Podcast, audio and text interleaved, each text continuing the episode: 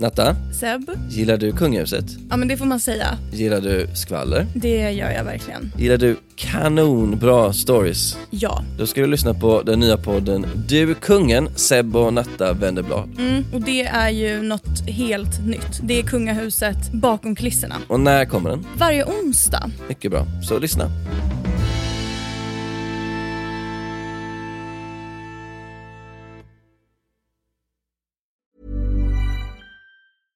Everyone knows therapy is great for solving problems, but getting therapy has its own problems too, like finding the right therapist, fitting into their schedule, and of course, the cost. Well, BetterHelp can solve those problems. It's totally online and built around your schedule. It's surprisingly affordable too. Connect with a credentialed therapist by phone, video, or online chat, all from the comfort of your home. Visit betterhelp.com to learn more and save 10% on your first month. That's BetterHelp H E L P.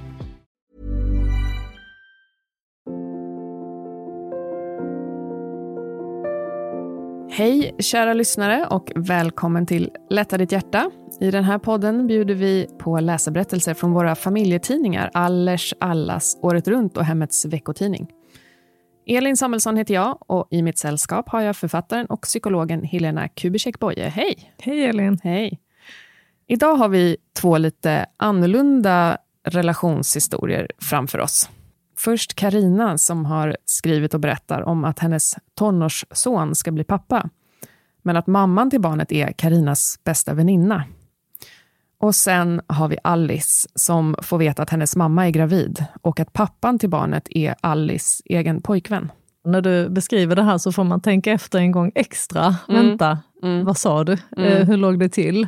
Och eh, även om eh, när man listar ut hur det ligger till så tänker man det där låter ju väldigt ovanligt, men det är inte så ovanligt ändå. Jag har stött på det ett par gånger under mina yrkesår, att eh, invecklade relationer där det blir eh, konsekvenser också, helt Mm. enkelt, som vi kommer få höra här. Mm, för alla inblandade. Yes, ja, men vi lyssnar på den första helt enkelt, Karina här.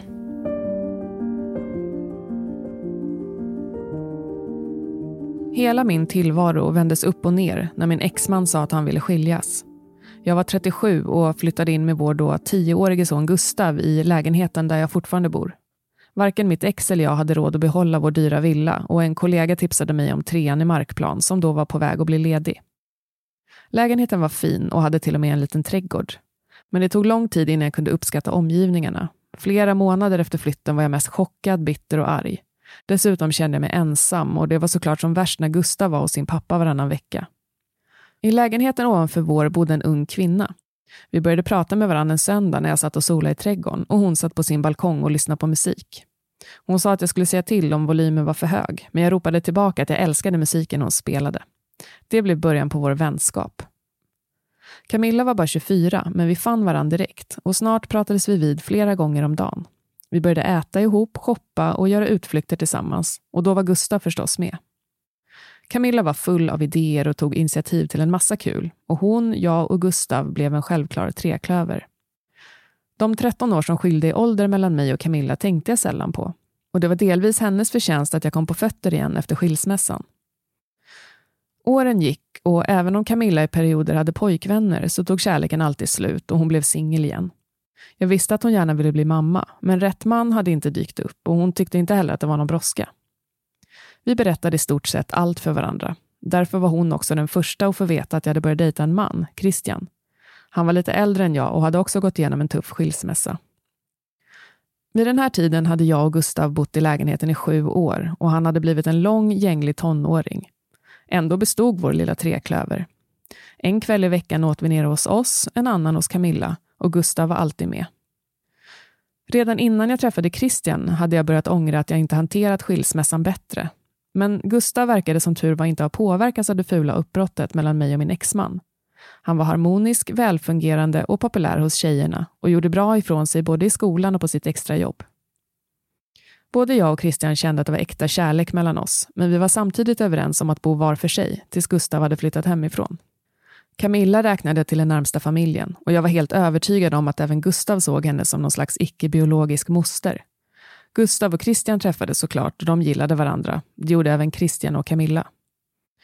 Men så fick jag under några veckors tid en känsla av att någonting för sig gick bakom min rygg, utan att jag kunde sätta fingret på vad det var. Gustav väntade ovanligt länge med att svara på meddelanden ibland och Camilla avböjde såväl ett biobesök som en shoppingtur med underliga ursäkter. Plötsligt en kväll dök Gustav upp och betedde sig märkligt, som om han var generad. Och i släptåg hade han Camilla. Några minuter senare fick jag veta att jag skulle bli farmor. Det kändes som om hela min värld rasade. Camilla och Gustav väntade barn och de sa också att de var väldigt förälskade. Åldersskillnaden mellan min son och Camilla var 14 år och mellan mig och henne var den 13. Men jag hade ändå alltid räknat henne som tillhörande min generation och inte min sons. Jag var helt tom på ord. Inte ens ett grattis kunde jag få fram. Jag tyckte att detta var fel av flera anledningar, men som tur var fick jag inte sagt något hemskt eller oförlåtligt. När de strax efteråt lämnade min lägenhet ringde jag till Christian och grät. Han hämtade upp mig och vi tog en lång promenad. Han förstod att jag var chockad, men han hjälpte mig att inte se allt i svart som jag hade gjort i samband med skilsmässan. Han frågade mig vad det allra värsta med allt var. Det kändes oerhört jobbigt att föreställa sig min väninna intim med min son och jag var ledsen över att de hade gått bakom ryggen på mig, för det kände jag att de hade gjort. Men efter noga övervägande kom jag fram till vad det värsta skulle vara. Nämligen om graviditeten och bebisen skulle förhindra Gustav att njuta av sin ungdom. Det vore också illa om Camilla utnyttjat min son för att hon ville bli gravid. Där tar vi en liten paus i läsarberättelsen och väntar med slutet. Man förstår ju här att Karina är uppriven. Camilla, hennes kompis, hon är blivit nästan som en familjemedlem och så ska hon plötsligt ha barn med Karinas son. Vad tror du att det är för tankar som rör sig här i Karinas huvud? Alltså jag tror när vi lyssnar på berättelsen så får man ju massa frågetecken i huvudet och det är nog någonting som hon eh, såklart har direkt. Först en chock mm. Och sen reaktionen och som tur var har hon ju stöd där av någon vid sin sida. Mm. Men eh, jag tror att hon kanske också funderar på hur länge har det här pågått? Eh, hur blev det så här? Kunde jag? Eh, har jag missat någonting? Kunde jag gjort någonting? Mm. För jag tycker det är en kärleksfull omtänksamhet hon har om sin son, att hans ungdom på något sätt påverkas och kanske hon känner sig skuld i det själv, att hon har dragit in den här väninnan i deras liv. Liksom. Men, mm. eh, så det är både liksom stora och små tankar, tänker jag. Både rent egoistiskt för henne liksom själviskt, att eh, har hon blivit lurad och sviken av de här, men också eh, tänka på sin sons liv och framtid. Ja, han, det, det är inte helt eh, klart hur gammal han är, men han var då tio i början av historien som bor i den här lägenheten i sju år. Så eventuellt är han ju inte myndig än heller. Det är lite oklart. Men vad... Precis, och han bor fortfarande förmodligen hemma hos mm. henne och sådär. Så det blir ju på något sätt, jag tror hon får liksom den här tanken på att han har blivit kanske förförd eller utnyttjad eller så. Mm. Eh, och att hon är så pass mycket äldre och han är ung. Den procentuella skillnaden ökar ju när de, eller minskar ju när de blir äldre, men nu är mm. den ju stor. Men jag tänker att eh, Ja, hon, hennes reaktioner är helt normala ju, mm. verkligen. Att mm. reagera starkt mot detta. Visst. Och Karinas eh, partner här, Christian, han frågar vad är det värsta som kan hända? Och det känns väl ändå som en bra grej att koka ner det. Liksom. Mm. Ja, men jättebra. Hon har ju liksom eh, många tankar där och, och sen tror jag hon är rädd för hans framtid, precis som vi pratade om, men också kanske i grund och botten att hon själv då kommer så svårt med det här att hon tappar kontakten med, med sin son eller sitt barnbarn då mm. i detta fallet. Mm. Och sen är hon rädd att hon inte ska lita på folk. Och, mm. ja, så att, eh, men ja, det, det värsta som kan hända eh, är oftast inte så farligt när vi väl tänker på det. Det är därför vi brukar ställa oss den frågan. Mm. När vi tänker vad är det värsta som kan hända och låtsas att det nu händer, hur gör du då? Så brukar man liksom se att det finns någonting förbi det där oftast. Ja, det värsta som skulle kunna hända är att Karina blir så pass arg och besviken att hon liksom vill bryta all kontakt med båda två och även då sitt framtida barnbarn. Och det är väl det värsta som skulle kunna hända kanske. Precis, det tänker man att de mm. vänder sig mot henne, att hon tar avstånd från dem och eh, då är det en så stor förlust i det hela. Liksom, så jag tror de hittar någon kompromiss förhoppningsvis. Men, eh, mm. men det är bra att ställa sig den frågan när man är i en sån här kris. Vad är det värsta med det här? Och hon säger också att hon tycker hon känner ett obehag inför att de har varit intima. Liksom. Mm. Och det kan man ju förstå eftersom hon har varit med sedan han var barn, den här mm. väninnan. Hon har inte plötsligt kommit in i deras liv när han är 17-18, utan mm. eh, hon har ju sett honom som liten pojke. Mm. Och det, det, det, kan man ju då som utifrån sett tycka är lite underligt. Mm. Så, och det kan man ju verkligen förstå henne att hon tycker, för att hon har kanske låtit Han har kanske sprungit liksom naken, de har badat och varit hemma och umgått som en familj. Och Mm. sen händer detta. Precis, hon beskriver ju kompisen nästan som en plastmoster liksom, till sitt barn. Så att det blir väldigt nära och intimt. Ja, men vi eh, lyssnar vidare eh, och ser hur det slutar. Trots sin unga ålder verkade Gustav veta vad han ville. Och nu var ju bebisen ett faktum, som Christian uttryckte det. Och jag måste vänja mig vid tanken. Det hade han helt rätt i och jag hade heller ingen lust att förlora kontakten med mitt enda barn. Även om det kändes minst sagt konstigt att min son nu tillbringade större delen av sin fritid i lägenheten ovanför min. Om jag och Gustav hamnade på kant med varann skulle det dessutom gå ut över umgänget med mitt kommande barnbarn. Under mina långa samtal med Christian de närmaste dagarna kom jag fram till att jag ändå på något sätt måste stötta Gustavs och Camillas förhållande. Och om de då bröt upp en dag så skulle det i alla fall inte vara mitt fel på något sätt. Därför gjorde jag också mitt bästa för att trycka undan alla mina förvirrade och övervägande negativa känslor. Jag höll god min och uppförde mig korrekt och vuxet, men däremellan kände jag att jag hade betydligt lättare att förlåta Gustav än Camilla. Jag kunde inte längre vara hennes väninna, men vi var tvungna att kunna umgås. Camillas mage växte som den skulle och ungefär halvvägs in i graviditeten berättade Gustav för mig att de väntade en flicka. Jag virkade en liten filt som jag slog in i ett fint paket och gav till Camilla första gången jag såg mitt barnbarn. Då var hon ett dygn gammal och Camilla och Gustav hade precis fått ta med henne hem. Även om jag försökte tackla situationen så bra som möjligt så kändes det väldigt underligt. Det gjorde det kanske även för Gustav och Camilla, för deras förhållande sprack bara fem månader senare. Gustav förklarade för mig att han och Camilla hädanefter bara skulle vara vänner och föräldrar. Och jag sa att jag skulle stötta honom i allt jag kunde. Idag är mitt lilla barnbarn drygt fyra år och hon är en fantastiskt härlig unge som jag älskar överallt på jorden. Jag umgås med henne minst en gång i veckan och jag är stolt över att Gustav verkligen är en hängiven och engagerad pappa. Och de dagar han inte har henne så lever han på samma sätt som sina jämnåriga vänner. För två år sedan flyttade Camilla ifrån huset där jag bor eftersom hon behövde en större lägenhet. Trots allt var det en lättnad för mig, även om jag och Camilla absolut kan vistas i samma rum. Jag tackar Christian för att jag inte i mitt upprivna tillstånd gjorde eller sa saker som jag hade kommit att ångra efteråt. Han och jag bor nu tillsammans i min lägenhet och han är precis lika glad för Gustavs lilla dotter som jag är.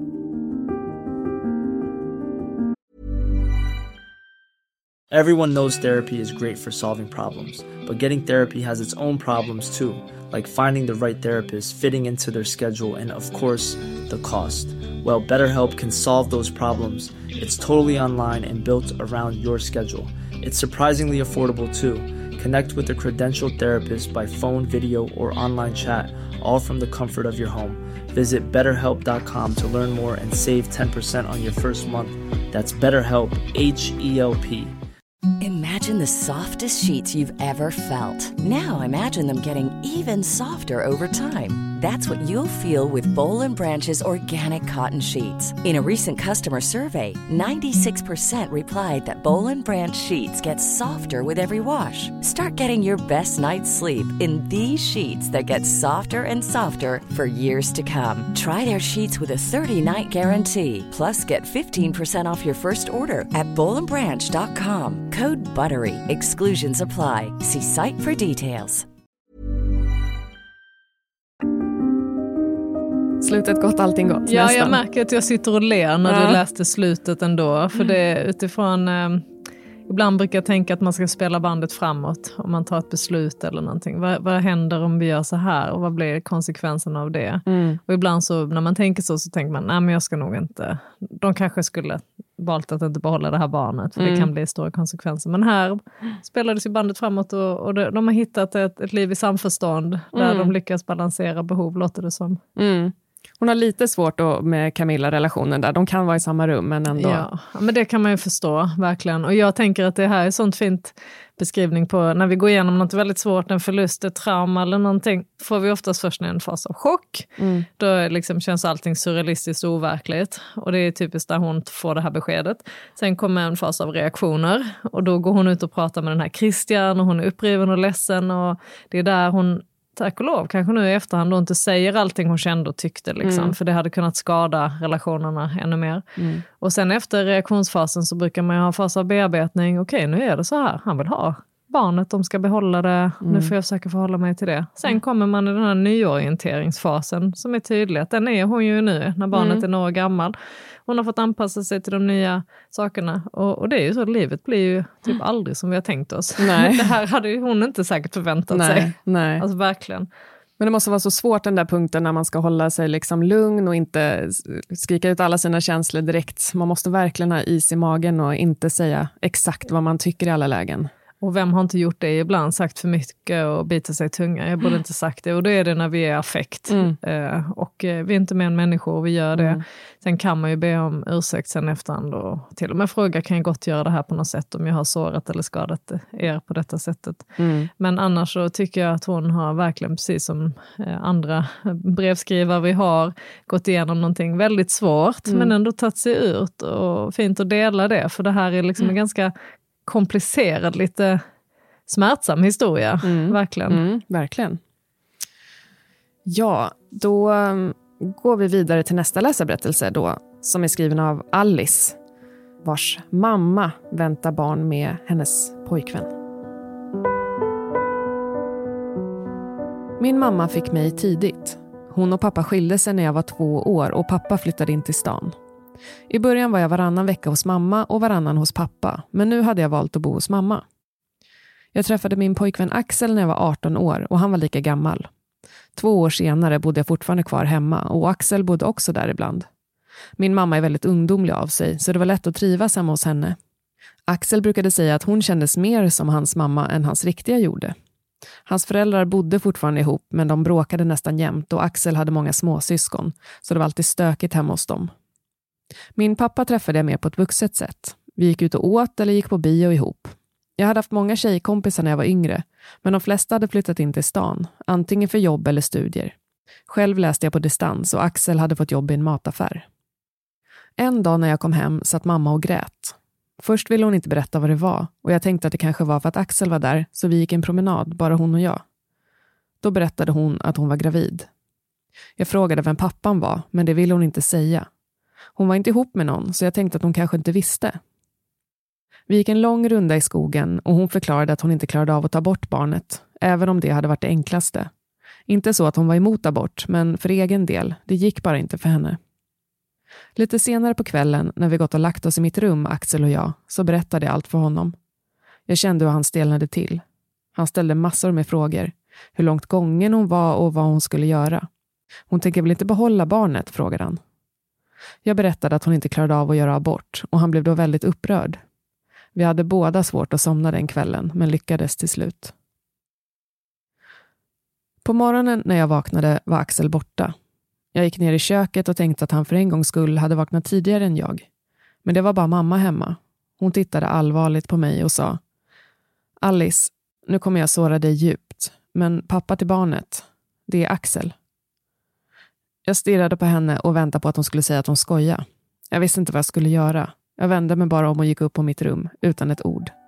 Efter en stund ropade mamma att hon måste åka till jobbet, men att vi skulle prata mer senare på eftermiddagen. Vi pausar berättelsen där och, eh, eh, och pratar lite. Ehm, ja, var ska man börja? Var ska man börja? Det är ju eh, många saker i denna berättelsen, verkligen. Mm. Och, eh, samtidigt så är den inte helt ovanlig heller. Jag har ju haft liknande ärenden när jag jobbat som psykolog. Och ibland så förblir det en hemlighet länge vem som är, verkligen är Mm. pappa till Mm. barnet. Eh, kanske fram tills barnet är vuxet. Ibland berättar man det direkt. Mm. De gjorde det direkt här. Mm. Och, eh, ja, det är många saker i den här berättelsen. Verkligen. Men, men du menar, det är liksom det är vanligt, eller liksom vanligt och vanligt, men att partners och föräldrar fattar tycke för varandra. Är det någonting du stöter på och hör om? Jag har stött på det ett par gånger och sen behöver det inte vara alltid fatta tycke, utan det kan vara en fyllegrej. Alltså så, ibland har det varit det. Det har varit eh, liksom händelser som har varit enstaka tillfällen eller så, där det har blivit på det här sättet. Mm. Där man inte har sina sinnesfulla bruk med sig. Mm. Så det behöver inte vara varit en hemlig kärleksrelation. Mm. Eh, Man kan ju se det här som förbjuden kärlek, men man kan också se det som osund kärlek. Alltså där man på något sätt, det som man kan tycka är normala gränser, att man på något sätt eh, inte blir attraherad av sin dotters pojkvän. Mm. Eh, det, det är det vanligaste. Så ju. och, och pojkvännen där som tycker att han träffar henne då, mamman, att den är mer lik hans egen mamma, men ändå så är Mm. han med henne. Det är, lite, det är lite gränslöst och speciellt allting. Så. Mm, mm. Men hur tycker du att mamman och pojkvännen hanterar det här? Alltså pojkvännen Axel då, han, han var ju borta morgonen efter eh, och mamman släppte den här bomben och sen åkte hon till jobbet. Ja.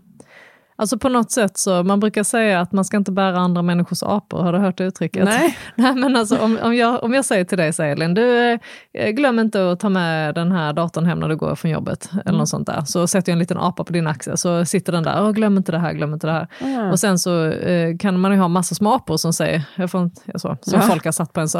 En, My, mycket chatter Ja, exakt. Som andra har satt. Och sen så plötsligt kan det bli en stor babian som någon sätter bara, ta hand om detta. Liksom. Ah. Och här har de ju verkligen satt en, Ja. eh, sin apa på henne, Ja. tänker jag. Liksom. Och sen går de iväg, att hon får liksom bära den här apan.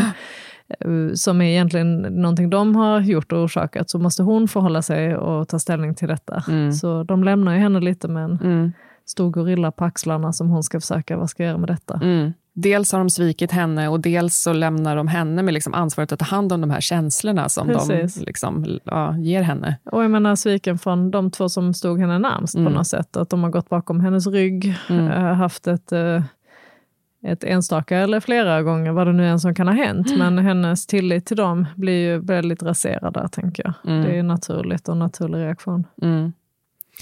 Men, men trots allt, tycker du att mamma gjorde rätt eller fel här som berättade att det var pojkvännen som var pappan till hennes barn? Alltså det är ju jättesvårt. Alltså, väljer de att behålla barnet så Mm. hade det ju kommit fram förr eller senare. Mm. Eh, där handlar det om att vara ett vuxet beslut i en sån situation. Mm. Hade hon kunnat göra en tidig abort, inte berätta varken för Axel eller dottern Mm. eh, och, och bära den där apan själv resten av sitt liv så hade ju inte de andra två. Tagit skada av det och avslutat relationen med Axel på något sätt. Mm. Um, svårt att veta, liksom, eh, sista gången hon kanske vill bli, hade chans att bli gravid och vill ha fler Mm. barn. Och, Mm. man vet ju inte, men eh, jag undrar hur mamman tänkte där på konsekvenserna av sitt beslut. Mm. Liksom. Nej, precis. Spela hon, bandet framåt hur det, hur det blev. och hon väljer ju att inte göra abort och det, det kan man ju inte kanske säga om det var rätt eller fel, men, men ja, det är ändå ett stort beslut. Ja men precis, och och det är samma, ibland diskuterar vi det här med otrohet, ska man berätta eller inte? Och jag menar, vem, det blir ju oftast då den som får höra storyn som får bära, Mm. får bära liksom, eh, valet, beslutet, hur man ska förhålla sig till istället för den som har, som har varit otrogen då, eh, kanske den ska bära det själv. Mm. ja, alltså det är jättesvårt att veta men Verkligen. Ja, nu, nu är det ju, sen får man ju tänka på båda de här historierna, att, eh, hur kan man göra det här? För nu, barnet har ju inte valt det här. Nej. Det, det, det är där man får landa. Liksom. Mm. Ja, men vi lyssnar vidare här och eh, ser hur det går. I flera timmar satt jag bara och stirrade framför mig. Men så packade jag min stora resväska med så mycket jag bara kunde få plats med och ringde pappa. Han sa att han skulle komma direkt. När han kom fyllde vi snabbt en flyttkartong med mina grejer. Han tyckte att jag måste få kontakt med en psykolog så fort som möjligt. Mamma försökte ringa mig, men jag ville inte ha med henne att göra. Nu har det gått några månader och jag har varken träffat mamma eller Axel. Axel har jag inte hört av alls. Jag känner bara hat för honom. Pappa hjälper mig att komma på fötter igen. Han säger att när jag fått bukt med mina panikattacker så ska han hjälpa mig att skaffa en egen lägenhet. Jag vet inte hur jag kommer reagera när bebisen är född. Men utan pappas stöd hade jag gått under helt. Jag har tagit upp kontakten med mina vänner som bor i stan och håller sakta på att bygga upp mitt liv igen. Utan mamma. Ja, det slutade ju väldigt jobbigt kan man säga. Alltså hon fick ju ta stora konsekvenser här. Här ler man ju inte Nej. nu när man hör slutet på den här berättelsen. Nej. Sen fortsätter ju livet och det kommer komma andra saker. In i, allting förändras ju. Mm. Men precis, och hon får panikattacker. Det är Mm. jättevanligt att man får det när man Mm. är i en situation där, där man inte kan hantera, man har en kontrollförlust. Mm. Hon har ju tappat kontrollen här på sin tillvaro eh, på grund av det som andra har gjort. Ja. Och tilliten till andra människor. Mm. Och eh, då, då är det vanligt att man får så hög stress att man får attacker. Så Mm. det är fint att hon har sin pappa där som stöd. Verkligen. Men eh, sorglig historia faktiskt för hennes skull. Mm. Ja, det är ju väldigt sorgligt att hon förlorar kontakten med sin mamma. Det känns ju inte som att de fick något closure. Liksom. Alltså hon stack ju verkligen därifrån med sin väska. Ehm, Men tror du, eller hur skulle de kunna lösa den här konflikten? Men jag tänker som jag nämnde innan, de här olika faserna som är en kris. Då. Först chock och sen reaktion. Mm. Och där är ju den här flickan, Mm. eller hon är ju flicka, hon är ju knappt en vuxen kvinna. Mm. Och sen, eh, sen börjar hon, behöver hon bearbeta detta jättebra, kanske med psykolog, Mm. eh, få ett bollplank, eh, mogna i hur hon ska förhålla sig till det. Sen kommer de komma till en fas av nyorientering, där hon kommer hitta något sätt om hon vill ha kontakt. Det är hon som kommer få bestämma detta förmodligen. Mm. Det är ju på hennes villkor då.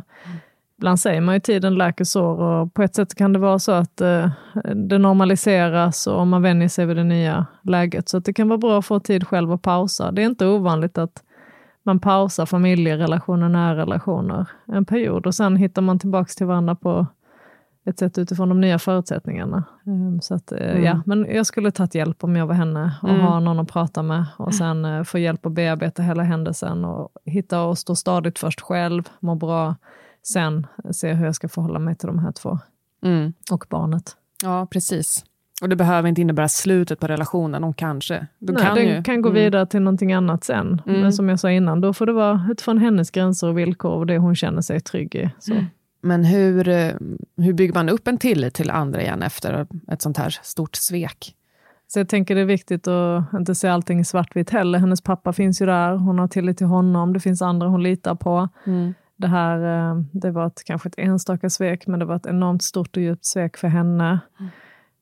Att bygga upp tillit igen handlar om att i små, små steg våga lita på människor igen. Men framförallt våga lita på sig själv. Att jag klarar detta. Mm. Jag, jag kan hantera den här situationen ehm, som det är. För det är där tilliten börjar oftast till sig själv. Och när man kan lita till sig själv och sina reaktioner så kan man lita på andra. Mm.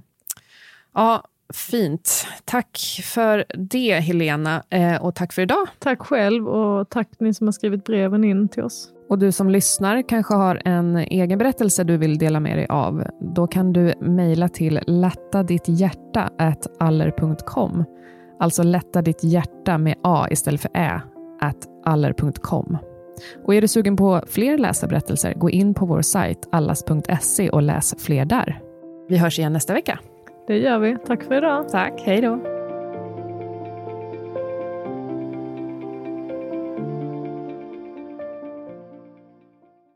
En podd från Allermedia. Hi, I'm Daniel, founder of Pretty Litter. Did you know cats tend to hide symptoms of sickness and pain? I learned this the hard way after losing my cat, Gingy. So I created Pretty Litter, a health monitoring litter that helps detect early signs of illness by changing colors, saving you money and potentially your cat's life. Pretty Litter is veterinarian developed, and it's the easiest way to keep tabs on your fur baby's health right at home. Go to prettylitter.com and use code ACAST for 20% off your first order and a free cat toy. Terms and conditions apply. See site for details.